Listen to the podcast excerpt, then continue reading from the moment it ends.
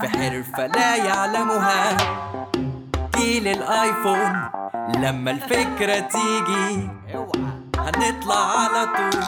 حرفة لا يعلمها جيل الايفون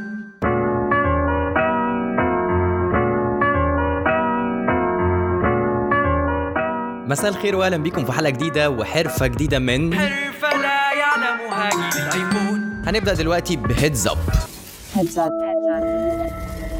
الهدف من البودكاست دي بالأساس ترفيهي هنشتغل على حاجتين مهمين جدا هي النوستالجيا ودي للناس مع السمع اللي هتقول ياه مع ابتسامة كده وتريح الدماغ لورا أو هم باصين لفوق مبحلقين للسقف. الحاجة التانية المهمة اللي هنشتغل عليها هي المعلومة. لجيل الآيفون لما جينا سألنا شوية منهم عن الحرف. معرفش حاجة.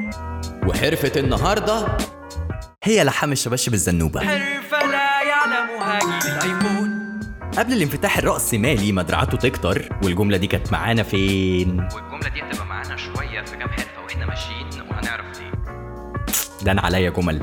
المهم إنه قبل وجود مارد البراندات بأسمائها وجنسياتها المختلفة كان في أنواع من الشباشب اللي ممكن تشتريها. كان في الشبشب الزيكو وده اللي كان بيشتريه كان بيبقى برنس الشلة ومطمع الجروب. كان في الشبشب الجلد وده طبعا بتاع الأبهات لاعتقادهم انه بيديك قيمة كده. وساعات كانوا بيرازوا بيه ولادهم الصغيرين اللي غالبا بيبقوا ماشيين مطقمين سوا. ويا عيني ما يبقوش واخدين بالهم إن رجل ابنه بتتقطع من نشفانه وتقله. ولكن مين كان يقدر يشتكي؟ والشبشب الكبارة أساس حلقتنا النهاردة الشبشب الزنوبة. وده كان شبشب السير بتاعه بلاستيك بثلاث ألوان أساسية أخضر وأزرق وأحمر. ونعله فل كده محمل يستحمل. واللي بيبوظ دايما كان السير بتاعه. حرفة لا يعلمها جيل الايفون توفيرا للنفقات واللي كانت عادة الجيل بتاع زمان كنت تروح بالشبشب اللي سيره مقطوع للراجل الجميل اللي غالبا على نصية شارع جنبك.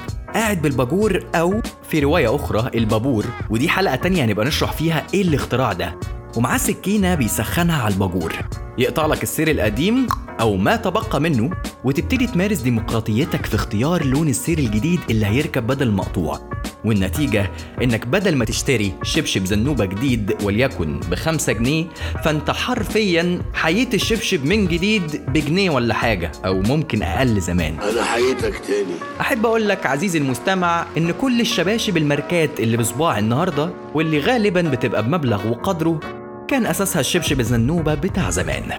كل التحية للي أفنى شبابه في تصليح سيور شباشبنا على الباجور. في سلام يا أبو الأحناف. حرفة لا يعلمها جيل الأيفون.